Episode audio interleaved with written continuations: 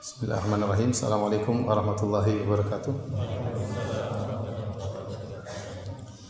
Alhamdulillahi ala ihsanih wa syukru lahu ala taufiqihi wa amtinanih. Asyhadu an la ilaha illallah wahdahu la syarika lahu ta'ziman li sya'nih.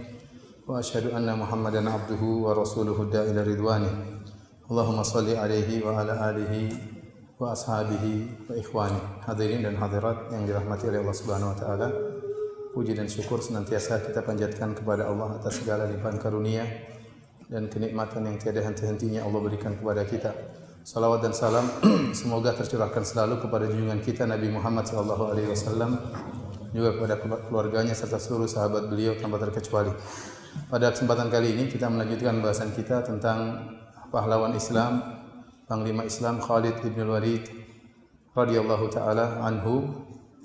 Uh, kita akan menyebutkan beberapa peperangan yang diikuti oleh Khalid bin Walid radhiyallahu taala anhu di, mana dalam peperangan-peperangan tersebut nampak sekali bagaimana kecerdasan Khalid dalam men, menyusun strategi peperangan.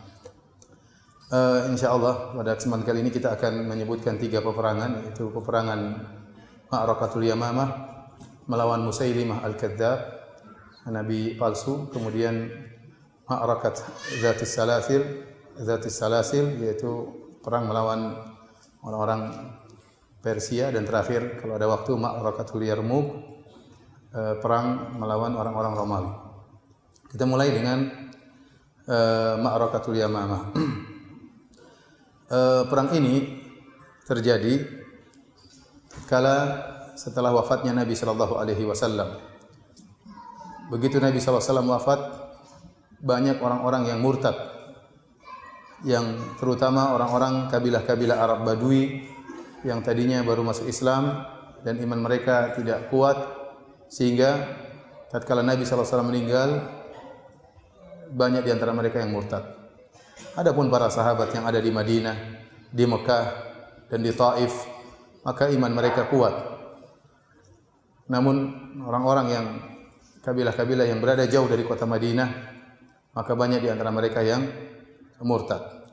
Oleh karenanya Abu Bakar As-Siddiq radhiyallahu taala anhu yang menjadi khalifah setelah wafatnya Nabi sallallahu alaihi wasallam menyiapkan pasukan untuk memerangi mereka. Maka Abu Bakar As-Siddiq menyurati para sahabat yang ada di Taif, yang ada di Mekah dari kabilah-kabilah Gifar, kabilah Aslam agar mereka bergabung kota Madinah karena Abu Bakar As-Siddiq ingin memberi pelajaran kepada orang-orang murtad. Ya. Karena Nabi SAW mengatakan, "Umirtu an uqatilan nas hatta yaqulu la ilaha illallah." Ya, aku diperintahkan untuk merangi manusia sampai mereka mengucapkan la ilaha illallah. Ya, demikian juga orang-orang yang murtad maka diperintahkan oleh Nabi untuk diperangi. Maka Abu Bakar radhiyallahu taala setelah mengumpulkan para sahabat kemudian Abu Bakar radhiyallahu anhu membagi pasukan para sahabat menjadi 11 pasukan. Yang masing-masing pasukan tersebut akan dikirim daerah-daerah lokasi-lokasi di mana banyak orang-orang Arab yang murtad agar menyuruh mereka kembali kepada Islam atau diperangi atau diperangi. E, pasukan yang pertama dipimpin oleh Khalid bin Walid radhiyallahu taala anhu. Dan masing-masing pasukan tersebut jumlahnya 3000, 4000, 5000, tidak banyak ya, antara 3000 sampai 5000 dari 11 pasukan tersebut. Maka pasukan pertama dipimpin oleh Khalid bin Walid. Sebelumnya Abu Bakar As-Siddiq meminta kepada sebagian sahabat yang antaranya Zaid bin Khattab untuk menjadi panglima pasukan, pasukan yang pertama. Namun dia menolak. Kata Zaid bin Khattab, saya ingin mati syahid. Tidak pantas seorang panglima untuk mati syahid ya. Karena panglima harus bertahan untuk mengatur uh, jalannya peperangan sementara saya ingin mati syahid jadi saya tidak bisa jadi panglima. Akhirnya ditawarkan kepada Salim Maula Abu Hudzaifah. Sama alasannya saya juga mau mati syahid. Maka saya tidak pantas jadi panglima. Kemudian ditawarkan kepada Abu Hudzaifah. Namun dia menolak. Akhirnya ditawarkan kepada Khalid bin Walid. Khalid bin Walid juga menolak. Akhirnya Abu Bakar memaksa Khalid bin Walid. Akhirnya Khalid bin Walid setuju untuk menjadi panglima. Dan pasukan pertama tugasnya berat di antaranya untuk memerangi kabilah-kabilah yang murtad dari uh, kabilah di antaranya kabilah Bani Tamim, kabilah Bani Asad dan uh, dari daerah yang ada di kota Ta'i ya, atau di sekarang yang ada di atau At-Ta'i ya. Maka akhirnya Khalid bin Walid berangkat dengan pasukan yang berjumlah 5000 maka dia pun mendatangi kabilah-kabilah tersebut satu persatu ya untuk diperangi atau disuruh kembali kepada kepada Islam. Berjalan Khalid bin Walid radhiyallahu taala anhu pertama kali menuju kabilah Tai. Kabilah Tai ini uh, yang sekarang berada di Ha'il ya. 800 km kira-kira dari kota Mekah ya atau dari kota Madinah. Maka berangkatlah Khalid bin Walid menuju kabilah Tai ya dan dia bersama sahabat yang bernama Adi bin Hatim, Adi bin Hatim At-Tai. Akhirnya Adi bin Hatim mengatakan, "Wahai Khalid, izinkanlah aku berbicara dengan mereka." Ya, banyak di antara mereka yang murtad, tapi masih ada dua cabang di antara mereka yang tidak murtad atau masih bisa diajak berbicara. Akhirnya diajak berbicara oleh Adi bin Hatim. Akhirnya 500 orang dari mereka kembali Islam sehingga bergabung kepada pasukan Khalid bin Walid menjadi 5000 tambah 500 jadi berapa? 5500. Kemudian Adi bin Hatim minta izin lagi, biarkanlah Khalid saya berbicara dengan kabilah itu lagi, yaitu anak cabang dari kabilah Tai. Kemudian diajak berbicara oleh Adi bin Hatim, akhirnya masuk Islam kembali sehingga 500 orang sehingga jumlah pasukan Khalid bin Walid menjadi 6000 orang. Kemudian Khalid bin Walid lanjut berjalan menuju kabilah Asad. Di kabilah Asad ada seorang mengaku nabi baru, menjadi nabi namanya Tulaiha bin Khuwailid al-Asadi. Di zaman Nabi SAW, waktu Nabi masih hidup, ada dua orang mengaku menjadi nabi. Ya. Yang pertama adalah Musailimah al-Kadzdzab dari Bani Hanifah. Yang kedua adalah Al-Aswad al-Anasi di Yaman. Ini waktu Nabi masih hidup, mereka berdua sudah mengaku sebagai nabi. Mereka mengaku sebagai nabi artinya Allah tidak mengutus satu nabi saja. Kami juga nabi sebagaimana Muhammad adalah nabi, kami juga apa? Nabi ya. Kami mengakui Muhammad adalah nabi, tapi saya juga nabi. Dia juga nabi ya. Namun setelah Rasulullah SAW meninggal, ada nabi-nabi yang lain. Di antaranya adalah Tulaiha eh, bin Khuwailid al-Asadi. Ini ngaku nabi setelah Rasulullah SAW meninggal dunia dari kabilah Asad. Ya. Kemudian juga ada namanya uh, Sujah ya, yang juga nabi perempuan yang bukan yang juga ngaku sebagai nabi. Nanti akan kita sebutkan ceritanya.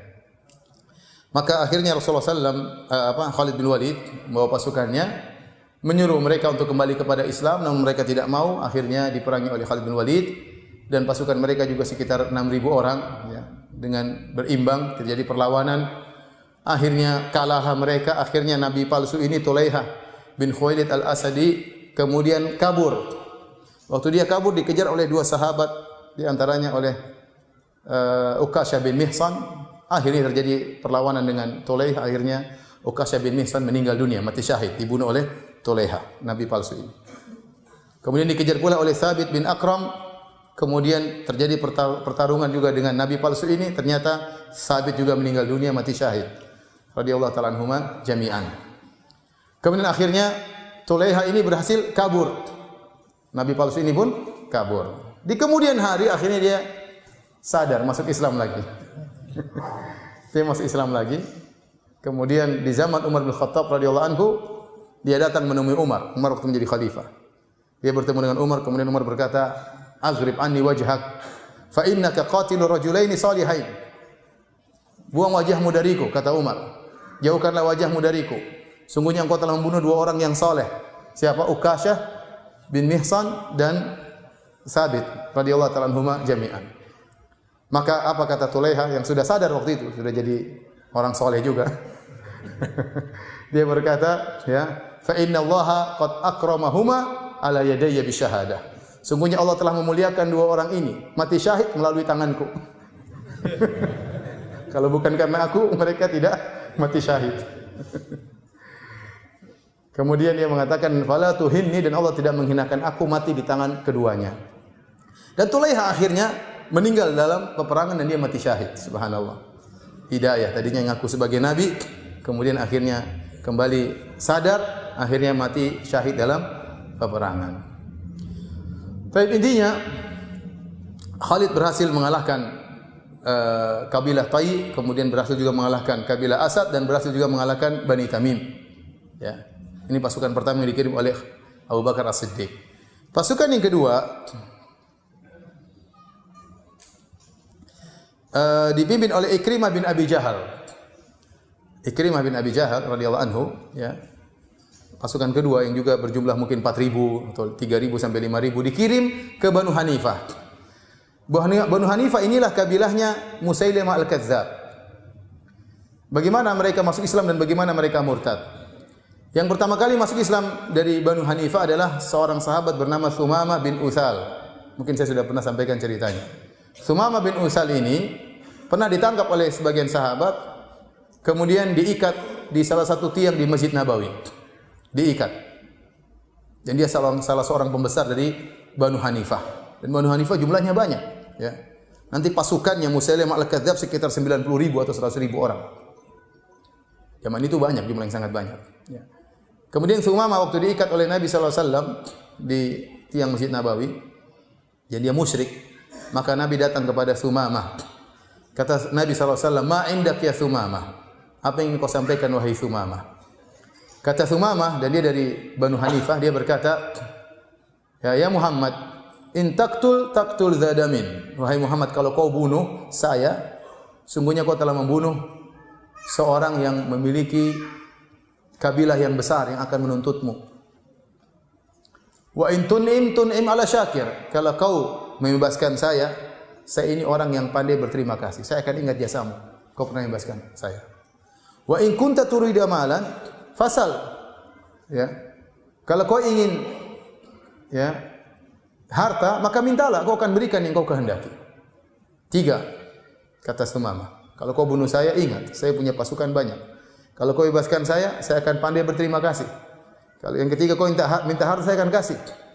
Rasulullah SAW pun meninggalkan dia. Satu hari-hari pertama. Tetap diikat. Hari kedua Rasulullah SAW datang lagi. Kata Rasulullah SAW, Ma indak ya Sumama. Apa yang ingin kau sampaikan wahai Sumama? Sumama mengatakan cuma satu. Wa in tun'im tun'im ala syakir. Kalau kau bebaskan saya, saya pandai berterima kasih. Dia sudah tidak bilang tiga lagi, cuma bilang apa? Satu. Rasulullah SAW biarkan lagi. Besok lusanya Rasulullah SAW datang lagi. Ma indak ya Sumama. Ya. Apa yang ingin kau sampaikan wahai Sumama? Maka kata Sumama, "Indi maqultu laka." Saya menyampaikan apa yang telah aku sampaikan kepadamu kemarin-kemarin. Kata Rasulullah SAW, Atliku Sumama. Bebaskanlah Sumama. Subhanallah Sumama dibebaskan. Kemudian dia pergi, dia mandi. Kemudian dia balik, dia ketemu Nabi. Dia berkata, Ashadu an la ilaha illallah. Wa ashadu anna Muhammad Rasulullah. Aku bersaksi tidak ada Tuhan selain Allah dan aku bersaksi Muhammad adalah utusan Allah. Dia masuk Islam. Kemudian dia berkata, tidak ada wajah yang paling aku benci di atas muka bumi ini seperti wajahmu wahai Muhammad. Sekarang engkau adalah yang paling aku cintai di atas muka bumi ini. Tidak ada agama yang paling aku benci di atas muka bumi ini seperti agama Muhammad. Sekarang jadilah agamamu adalah agama yang paling aku cintai. Tidak ada negeri yang paling aku benci seperti negerimu wahai Muhammad. Maka jadilah negerimu ini adalah negeri yang paling aku cintai. Kenapa dia masuk Islam? Karena tiga hari diikat di Masjid Nabawi, tiap hari dengar ceramah Nabi Sallallahu Alaihi lihat para sahabat sholat berjamaah, dengar lantunan Al-Quran. Ya. Makanya kalau ada orang kafir nanti ikat di masjid as mungkin tiga hari masuk Islam. Kalau tiga, tiga hari satu minggu lah. dengar ceramah tiap hari, siapa tahu masuk Islam. Sumama inilah akhirnya dia pulang, dia berdakwah ke Bani Hanifah. Dia berdakwah ke Bani Hanifah, akhirnya banyak di antara mereka masuk masuk Islam. Waktu tahun sekitar tahun 9 Hijriah, Ya, maka disebut dengan Amul Wufud, itu tahun di mana banyak orang-orang datang, berbagai macam kabilah datang kepada Nabi SAW untuk menyatakan Islam, untuk membaiat kepada Nabi SAW. Di antaranya adalah kabilah Banu Hanifah. Mereka datang untuk membaiat Rasulullah SAW dan bersama mereka Musailimah bin Habib Al-Kadzab. Namanya Musailimah bin Habib Al-Kadzab. Al-Hanafi dari Banu Hanifah.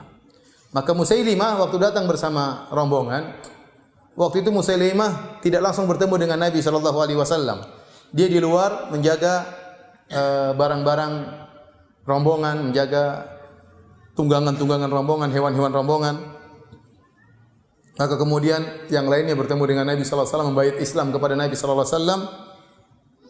Kemudian uh, Rasulullah SAW dikabarkan bahwasanya masih ada salah seorang di antara kami yang tidak bisa hadir atau belum datang karena dia sedang menjaga barang-barang. Maka Nabi SAW berkata, "Ama innahu laisa bisyarrikum makanan."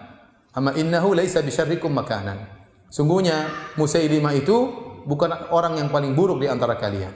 Bukan orang yang paling buruk di antara kalian. Maksudnya Nabi mengatakan dia ini enggak datang karena ada urusan. Dia menjaga uh, barang-barang kalian, maka dia bukan orang yang buruk. Ya, yang bukan orang yang paling buruk di antara kalian. Setelah mereka uh, pergi, ya, pulang, kalau mereka pulang ke ke kabilah mereka, kabilah Banu Hanifah, ternyata sampai di sana Musailimah murtad dan dia mengaku sebagai nabi dan dia berkata, "Sungguhnya aku telah menyertai Muhammad dalam urusan kenabian." Bukan cuma dia saja yang menjadi nabi, aku pun telah diberi wahyu oleh Allah untuk menjadi menjadi nabi. Bukankah waktu kalian menyebut diriku kepadanya, Muhammad berkata, "Ama innahu laisa bisyarrikum?" Bukankah apa Musailamah bukanlah orang yang paling buruk di antara kalian? Berarti saya yang paling mulia di antara kalian dan saya ini adalah nabi juga sebagaimana Muhammad. Dan Musailimah mengaku Rasulullah SAW adalah seorang rasul.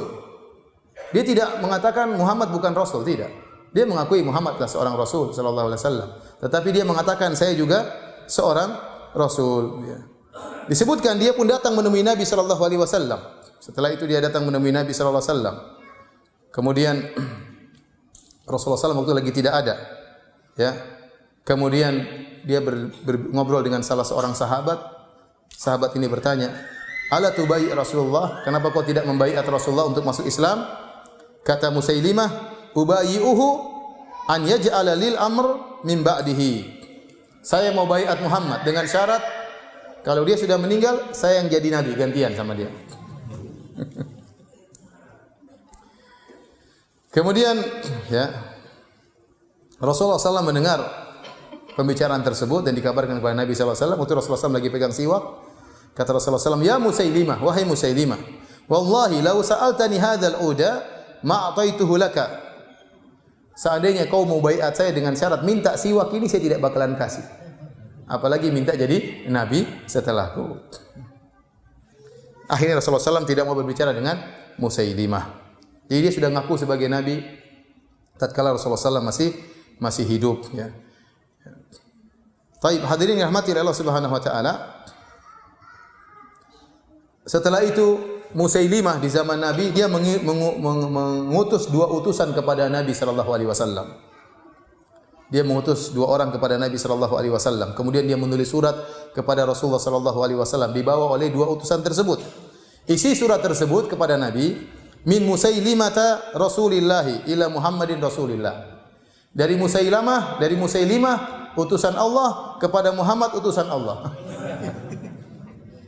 Inni qad usyriktu fil amri ma'aka. Sungguhnya aku telah menyertaimu dalam masalah kenabian. Falana nisful ardi bagi kami setengah bumi walakum nisful ardi bagi engkau juga setengah bumi. Au taj'ala liyal amri min ba'dik atau kau menjadikan kenabian untukku setelah wafatmu.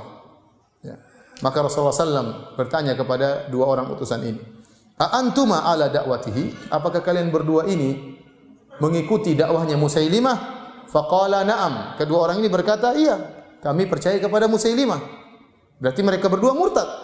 Kata Nabi SAW, Laula anna rusula la tuqtal, la tukuma. Kalau bukan dalam aturan undang-undang ke, apa kenegaraan bahwasanya utusan tidak boleh dibunuh, tentu saya telah membunuh kalian berdua. Kenapa kalian kalian berdua telah apa? Telah murtad. Kemudian Rasulullah SAW membalas suratnya. Kata Rasulullah SAW, min Muhammadin Rasulillah. ila Musailimah al-Kadzdzab. Kepada dari Muhammad utusan Allah kepada Musailamah sang pendusta. Ini pertama kali Nabi bilang dia apa? Al-Kadzdzab, sang pendusta. Assalamu ala man al huda. Keselamatan bagi orang yang mengikuti petunjuk. Innal ardu lillahi yurithuha man yasha'u min ibadih. Sungguhnya bumi ini milik Allah. Allah berikan kepada siapa yang Allah kehendaki dari hamba-hambanya.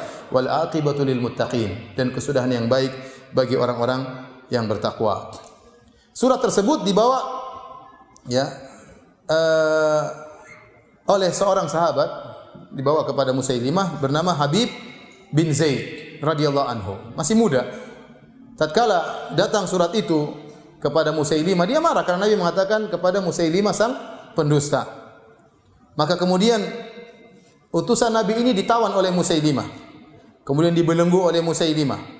Kemudian Musailimah bertanya kepada sahabat ini, Habib bin Zaid radhiyallahu anhu, "Atashhadu anna Muhammadan Rasulullah?" Apakah kau bersaksi bahwasanya Muhammad adalah utusan Allah? Qala na'am, kata dia iya. Kemudian dia bertanya lagi, "Atashhadu anni Rasulullah?" Apakah kau bersaksi saya utusan Allah? Kata sahabat ini, "Ana asam la asma." Saya tuli enggak dengar. dia tanya lagi, "Apa kau bersaksi Muhammad utusan Allah?" Iya. Saya Rasulullah, saya tuli enggak dengar. Akhirnya dia marah, dia potong-potong itu sahabat radhiyallahu taala, akhirnya mati syahid. Rasulullah SAW murka tatkala mendengar utusannya dibunuh oleh Musailimah. Ini melanggar peraturan undang-undang kenegaraan. Tidak boleh membunuh apa? utusan. Tetapi Rasulullah SAW itu sedang disibukkan dengan berbagai macam urusan sehingga dia tidak bisa menyerang Musailimah Al-Kadzab dan itu baru terjadi di zaman Abu Bakar radhiyallahu anhu di mana Abu Bakar mengirim pasukan untuk menyerang Musailimah Al-Kadzab. Ya. Musailimah Al-Kadzab dia ngaku turun kepada dia surat-surat dari Al-Qur'an. Dari apa? Allah Subhanahu wa taala. Ya. Antum bisa baca dalam tafsir Ibnu Katsir dalam satu riwayat ya.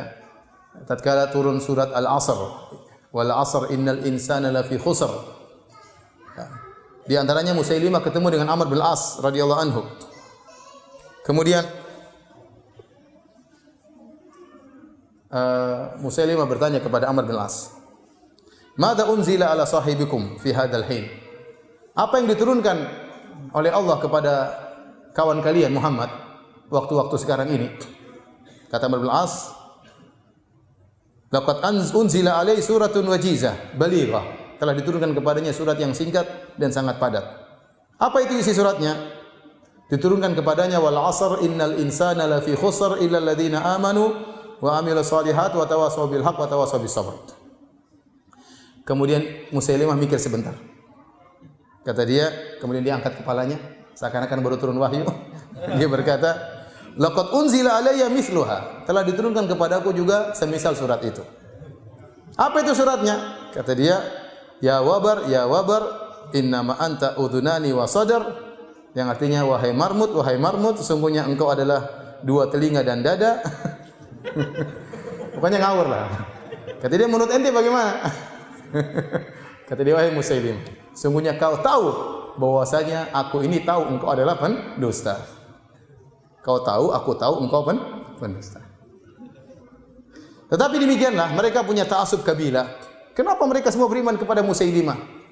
Karena antara kabilah uh, Musailimah berujung kepada kabilah Rabi'ah. Adapun kabilahnya Bani Hashim Rasulullah SAW atau Quraisy kembali kepada Mudhar dan dua kabilah ini sering bertikai sejak dulu. Sehingga orang-orang Arab Badui berkata, ya, walakin kadzabu Rabi'ah ahabbu ilaina min sadiqi Mudhar. Pendusta dari kabilah Rabi'ah lebih kami cintai daripada orang jujur dari Rabi'ah dari kabilahnya Muhammad. Intinya mereka ya mereka membenarkan Musailimah sebagai nabi karena ada hawa nafsu. Ada hawa hawa nafsu. Lagi pula Musailimah kasih syubhat. Dia mengatakan Muhammad memang nabi, tapi saya juga apa? saya juga nabi. Ya. Oleh karenanya nanti peperangan melawan mereka sangat susah. Karena pasukan Khalid bin Walid ingin mati syahid, mereka juga ingin mati syahid karena membela nabi, nabi palsu. Tidak ada peperangan yang paling berat dia, dia dihadapi oleh Khalid bin Walid seperti melawan pasukannya Musailimah. Bahwasanya pasukannya benar-benar luar biasa. Ya sampai mereka ditangkap 60 orang dibunuh satu persatu untuk kembali kepada Islam tidak mau. Mereka rela mengatakan beriman bahwasanya Musailimah adalah nabi. Karena mereka yakin Musailimah adalah nabi. Sehingga mereka nekat mati menurut mereka mati syahid untuk membela siapa? Musailimah al-Kadzab. Karena mereka punya syubhat. Nabi bukan cuma satu, ada nabi yang yang lain. Ya, Quraisy punya nabi, kita punya juga punya punya nabi. Kenapa harus bertempur nabi-nabi tersebut? Baik. Hadirin yang hadirat subhanahu wa taala, ya. Di antaranya juga surat yang diturunkan kepada Musailimah. Al-fil mal-fil, wa ma adraka mal-fil, lahu dzambun wabil, wa khurtum tawil. Artinya gajah, apa itu gajah? Tahukah Anda apa itu gajah? gajah itu apa telinganya lebar, hidungnya panjang. apa maksudnya? Inna dzalika min khalqi rabbina laqalil. Sungguhnya ini adalah salah satu ciptaan Tuhan kita yang masih sedikit ya. Kemudian di antara surat yang turun kepadanya, surat Qadab ya. Tadi surat Al-Fil, ya, sekarang surat Qadab. Ya dhifda ya dhifda binta dhifda'ain naqima tanqin nisfuka fil ma wa nisfuka fil tin. Lal ma'atu kaddirin wala syarabu tamna'in. Pakai ta'awudz atau tidak ini baca? Enggak perlu ya. Yang artinya wahai kodok putri dua ekor kodok setengahmu di air setengahmu di tanah ya jadi apa eh, hewan apa barmai ya. dua alam di antara surat yang diturunkan diturunkan kepada juga surat At-Tahinat. At-Tahinat artinya alat penggulung penggiling biji-bijian. Wa tahinati tahna. Demi alat penggulung biji-bijian, penggiling biji-bijian. Wal ajinati ajna. Dan demi wanita-wanita yang meng, apa namanya? Membuat ini, membuat adonan makanan, adonan roti. Wal khabisati khubza dan demi para wanita yang membakar roti. Pikirannya makanan. Wasaridati sarda dan demi apa sarid. Ya, ini pikirannya kayak gitu. Wallaqimati laqma dan demi wanita-wanita yang makan roti tersebut. Kemudian di antara surat yang turun surat Asy, surat kambing. Bunyinya wasyati wa albaniha, demi kambing dan susu-susunya. Wa ajabuha sudu wa albanuha dan yang paling bagus di antara kambing yang berwarna hitam dan susu-susunya. Wasyati sauda, demi kambing yang hitam. Wal labanil abyad, demi susu yang putih. Sudahlah ya. Masih mau dengar? Taib. Abu Bakar As-Siddiq pertama kali mengirim pasukan, dia mengirim pasukan dipimpin oleh Ikrimah bin Abi Jahal radhiyallahu taala anhu untuk menyerang uh, Musailimah Al-Kadzdzab, Banu Hanifah, ya. Akan tapi Abu Bakar As-Siddiq mengatakan, "Jangan segera engkau menyerang. Tunggulah bantuan yang datang dari Syurahbil bin Hasanah. Tunggu, jangan dulu perang." Tetapi Ikrimah bin Abi Jahal dia tidak patuh kepada Abu Bakar. Dia semangat ingin segera bertempur, mau mati syahid, mau perang. Padahal pasukan Musailimah sangat banyak. Disebutkan 90 ribu pasukan. Sementara mereka cuma 4 ribu atau 5 ribu. Namun dia tidak peduli akhirnya dia ya stajil terlalu tersegera-gera, tergesa-gesa, akhirnya dia pun menyerang. Akhirnya Ikrimah pun kalah, pasukannya kalah. Kemudian akhirnya Ikrimah mau pulang ke arah kota Madinah, maka Abu Bakar kirim surat, "Jangan kau ke Madinah, pergilah ke Yaman." Kenapa? Kalau Ikrimah pulang dengan kekalahan menuju kota Madinah, ini akan menjadikan gentar kaum muslimin. Berarti pasukannya Musailimah hebat-hebat. Dan Abu Bakar tidak ingin kaum muslimin gentar dengan pasukannya Musailimah. Maka disuruh Ikrimah bergabung ke pasukan yang lain, ke negeri Yaman, suruh pergi ke sana. Akhirnya Abu Bakar Siddiq ngirim pasukan kedua, dipimpin oleh Syarahbil bin Hasanah. Disampaikan juga oleh Syarahbil, jangan kau menyerang sampai datang bantuan. Berangkatlah mereka mungkin 3.000, 4.000 orang, 5.000 orang menuju ke Banu Hanifah. Sampai di sana dia menunggu, dia melihat pasukan Banu Hanifah lagi kecapean berperang melawan pasukannya Ikrimah. Ini kesempatan mereka lagi lemas. Akhirnya dia pun beristihad, akhirnya dia berperang lagi, akhirnya kalah lagi. Kalah lagi. Akhirnya Abu Bakar As-Siddiq kirim surat kepada siapa? Khalid bin Walid. Ada masalah Khalid bin Walid. Segera gabung. Akhirnya Khalid bin Walid berangkat datang kemudian menuju ke tempat Banu Hanifah dan bergabung dengan pasukan yang lain sehingga kalau tidak salah jumlah pasukan mereka sekitar 18 ribu kalau tidak salah ya lebih dari 10 ribu sementara yang dihadapi adalah sekitar 10 ribu atau 90 ribu, sekitar 90 ribu. Taib hadirin yang dirahmati oleh Subhanahu wa taala, di antara strategi yang disampaikan oleh Khalid dalam Ma'rakatul Yamamah ya. Khalid bin Walid menyuruh agar masing-masing kabilah berkumpul sendiri-sendiri. Ya. Karena dalam pasukan tersebut ada juga orang-orang yang baru masuk Islam. Sehingga dia memandang semangat Islam saja mungkin kurang cukup, harus ditambah dengan semangat yang lain. Semangat apa? Semangat kesukuan. Maka Khalid bin Walid membagi pasukan untuk kembali kepada masing-masing kabilah dan Khalid mengatakan biar kita tahu di mana kekalahan sebab kekalahan dari kabilah yang mana. Sehingga Muhajirin berkumpul dengan Muhajirin, Ansar dengan Ansar, kabilah dengan kabilah ini. Sehingga masing-masing akan ada tidak mau malu, tidak mau kalah. Pokoknya kita harus menang karena kalau kalah dari sisi kita mempermalukan kabilah kita. Jadi kata para ulama Khalid bin Walid menambahkan semangat Islam dengan semangat apa? Kesukuan. Tatkala dibagi seperti ini taktiknya Khalid bin Walid, akhirnya mereka semangat luar luar biasa. Mereka semangat luar luar biasa. Namun peperangan sangat luar biasa. Sampai disebutkan dalam sebagian riwayat Khalid bin Walid bertemu dengan salah seorang dari mereka, naik kuda bertemu dengan Khalid, kemudian bertempur sampai tikam-tikaman sampai luka-lukaan dua-duanya, ya. Ya. Dan begitu kuatnya mereka bertempur. Terjadi pertempuran luar biasa, ya. Akhirnya mereka kalah dari Banu Hanifah kalah. Kemudian Musailimah Al-Kadzab ini bin Habib Al-Kadzab kabur kemudian masuk ke sebuah benteng yang disebut dengan Al-Hadiqah. Benteng tersebut sangat tinggi, pagarnya sangat tinggi. Mereka semua masuk dalam situ. Dan kaum muslimin susah untuk menyerang mereka. Susah untuk menyerang mereka. Bagaimana menyerang mereka sementara mereka sudah masuk dalam uh, benteng mereka. Akhirnya ada seorang sahabat punya ide yang luar biasa namanya Al-Bara bin Malik. Al-Bara bin Malik ini Nabi pernah berkata, ya, "Ruba as'ad akbar la yu'ba bihi law ista'dzana la yu'dzan lahu law aqsama 'ala Allah la abarrahu." Law aqsama 'ala Allah la abarrahu. Bisa jadi ada seorang betapa banyak orang yang rambutnya semerawut ya, kemudian penuh dengan debu, tidak dipandang, kalau minta izin tidak diizinkan. Tapi kalau dia bersumpah dengan nama Allah akan dikabulkan doanya. Di antaranya kata Nabi Al-Bara bin Malik. Al-Bara bin Malik ini kemudian punya ide. Karena benteng mereka tertutup, kata Al-Bara bin Malik, "Wahai para sahabatku, lemparkan saya dalam apa? Dalam di balik tembok tersebut saya akan buka dari dalam. Di dalam ada puluhan ribu orang. Mereka bilang jangan, kata dia lempar saja. Ini ide ide gila tapi tidak ada jalan lain kecuali begitu. Ya.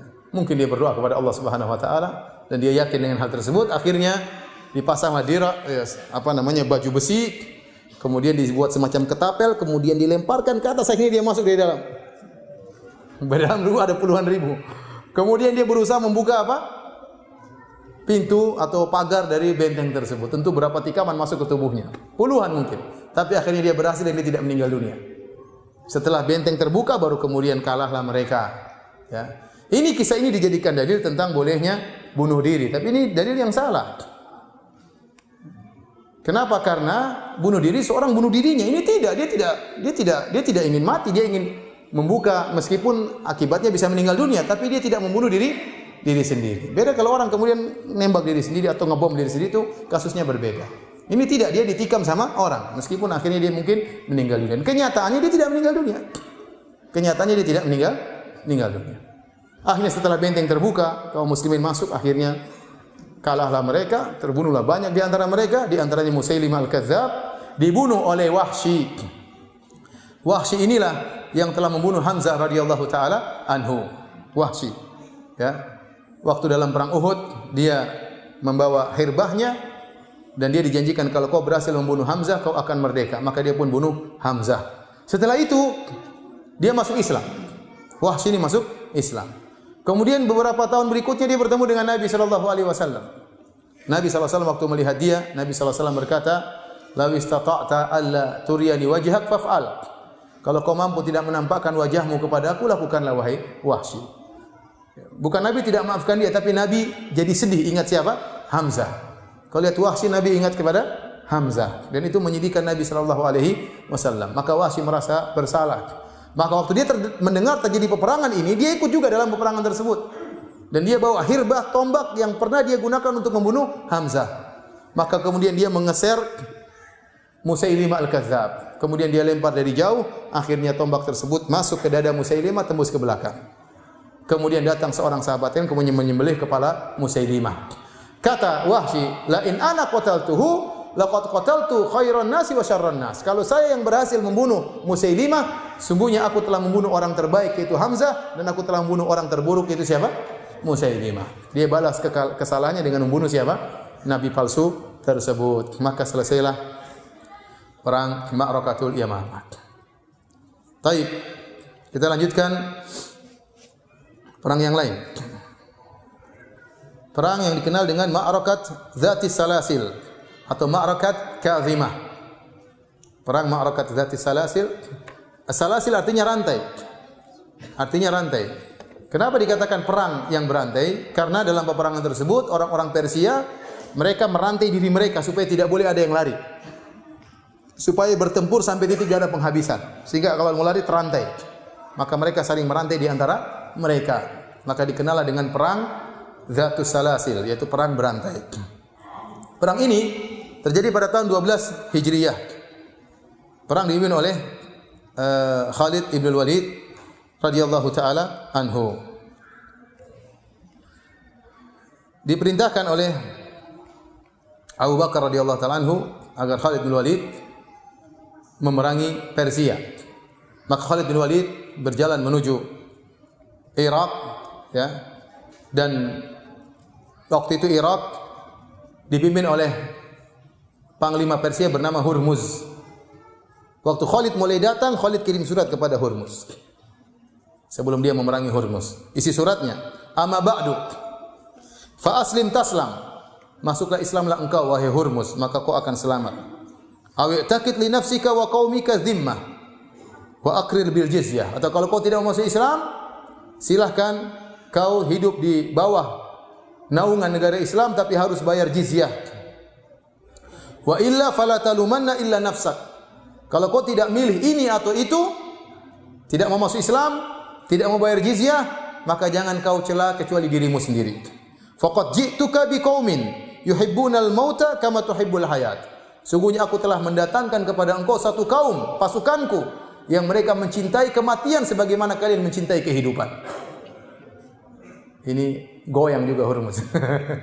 Surat ancaman. Jadi begitu caranya. Jadi sebelum datang sudah ketakutan terlebih dahulu. Kirim surat oleh Khalid bin Walid. Akhirnya Hormuz emosi. Maka dia minta bantuan kepada Kisra agar datangkan pasukan yang banyak. Datanglah pasukan yang banyak. Ya, untuk melawan pasukan Khalid bin Walid, ya. Kemudian perjanjiannya peperangan di suatu tempat namanya Kazimah. Kazimah adalah suatu tempat di sebelah utara negeri negara Kuwait sekarang. Sebelah utara negara Kuwait. Azan kah? Belum ya? Maka kemudian berangkatlah mereka dan mereka dikenal dengan memiliki alat-alat pertempuran yang hebat, mungkin bom, mungkin apa, mungkin pokoknya alat-alat berat banyak, pasukan banyak, sampai rantai aja mereka bawa. Maka Hurmuz semangat, maka dia bawa pasukannya menuju ke Kazimah. Waktu Khalid tahu mereka menuju ke Kazimah, Khalid jalan pelan-pelan, tidak sampai di luar, biar mereka sampai di luar. Begitu mereka sampai di luar, mereka sudah pasang siaga, sudah pasang persenjataan. Khalid belok ke tempat yang lain. Pergi ke tempat yang lain, uh, tempat tersebut ya. Namanya Al-Hufair. Kaum muslimin semuanya pergi ke daerah Al-Hufair. Akhirnya Hormuz kaget, waduh, ternyata Khalid pergi ke tempat lain. Ayo, kita berangkat. Pasukannya berangkat lagi dan itu setengah mati bagi mereka ya. Karena ngangkat persenjataan, barang-barang berat, sudah nunggu siap perang, tahu-tahu ternyata pasukan pindah ke tempat lain. Mereka berangkat lagi menuju ke Hufair. Khalid bin Walid jalan pelan-pelan. Mereka sampai dulu ke Hufair. Sampai sana Khalid belok lagi ke Kazimah. Sudah bawa barang-barang berat-berat, sampai sana ternyata Khalid bin Walid tidak ada. Hurmus mengatakan, kita balik lagi ke Kazimah. Sudah mereka udah KO ya, bawa barang-barang banyak berat-berat. Sebelum bertempur sudah KO terlebih dahulu. Kemudian mereka balik lagi ke. Baik, azan dulu.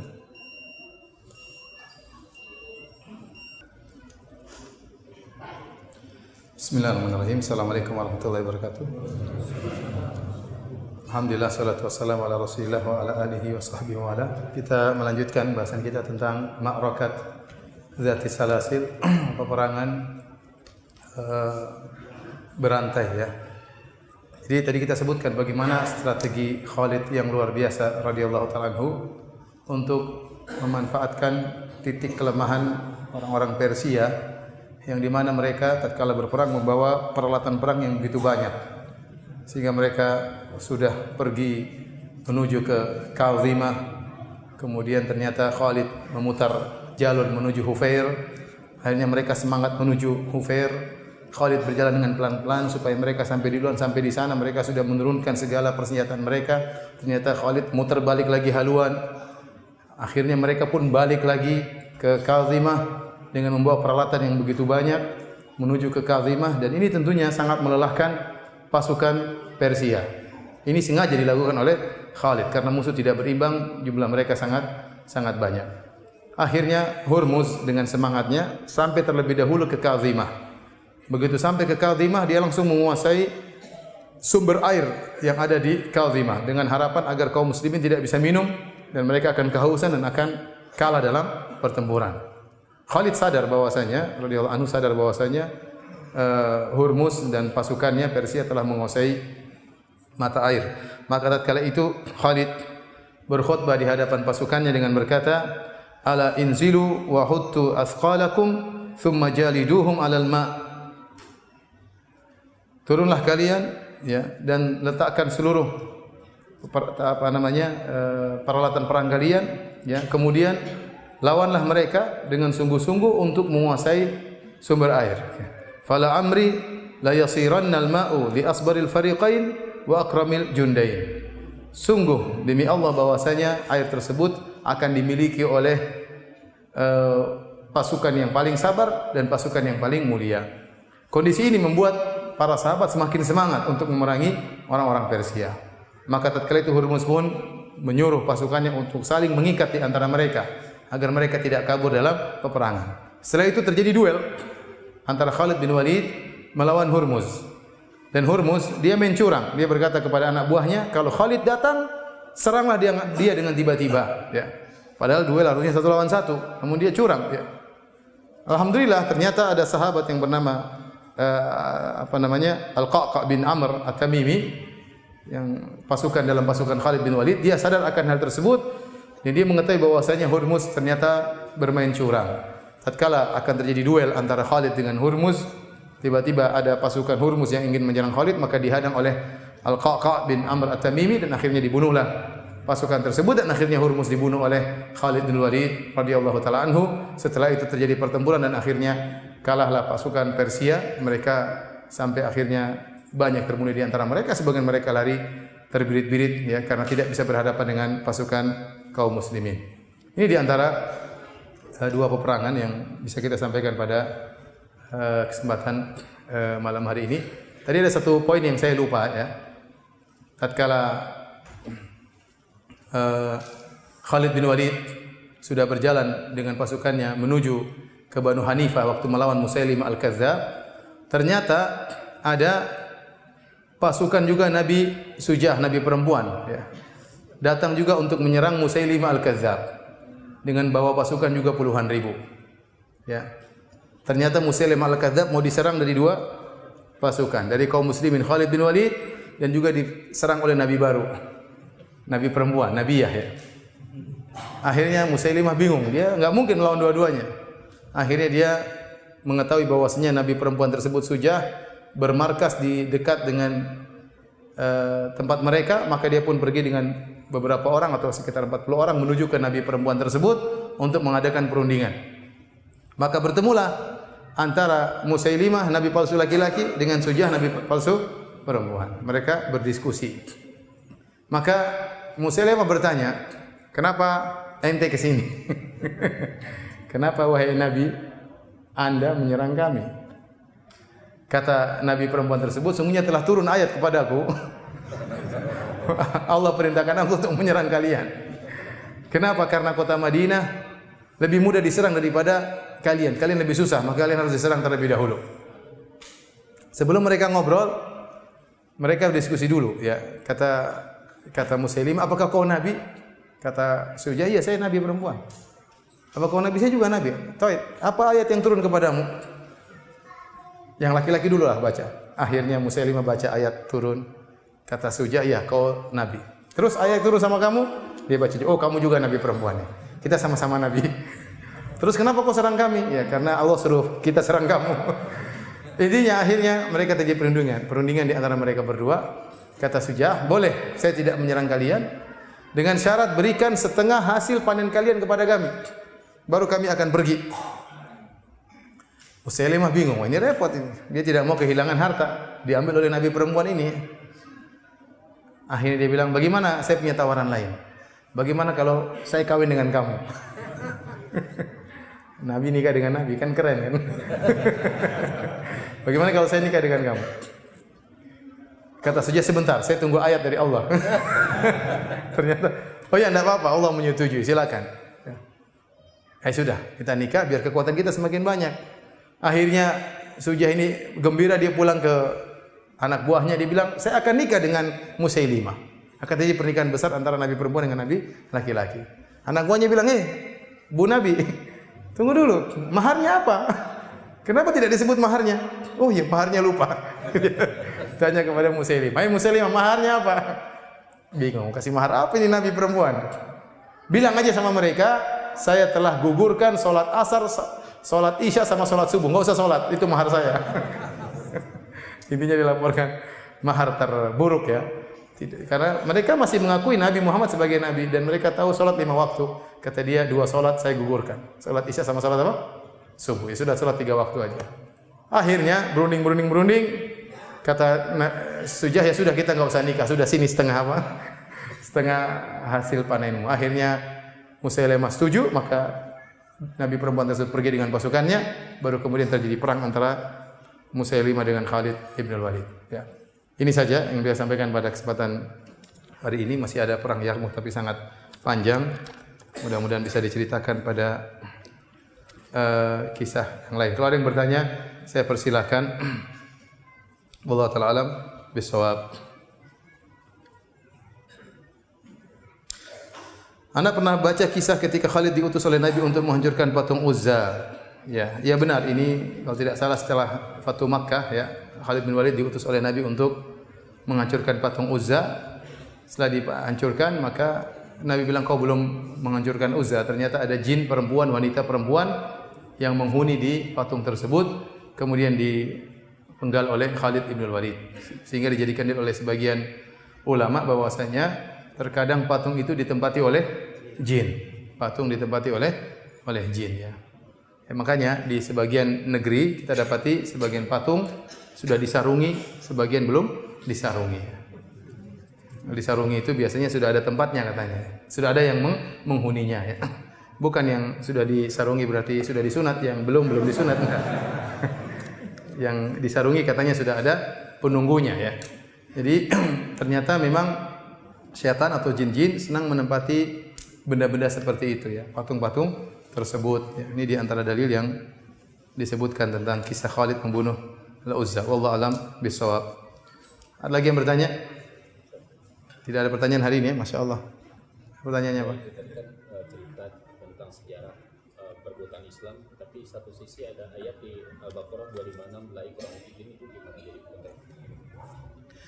La ikraha fid din uh, qad tabayyana rusdu minal ghai tidak ada uh, paksaan dalam Islam sungguh telah jelas kebenaran dari kebatilan.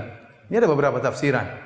Di antaranya mengatakan ayat ini mansuh. Ayat ini mansuh dengan adanya uh, peperangan. Ada yang mengatakan ayat ini maksudnya Islam sudah jelas. Ngapain masuk Islam dengan penuh keterpaksaan?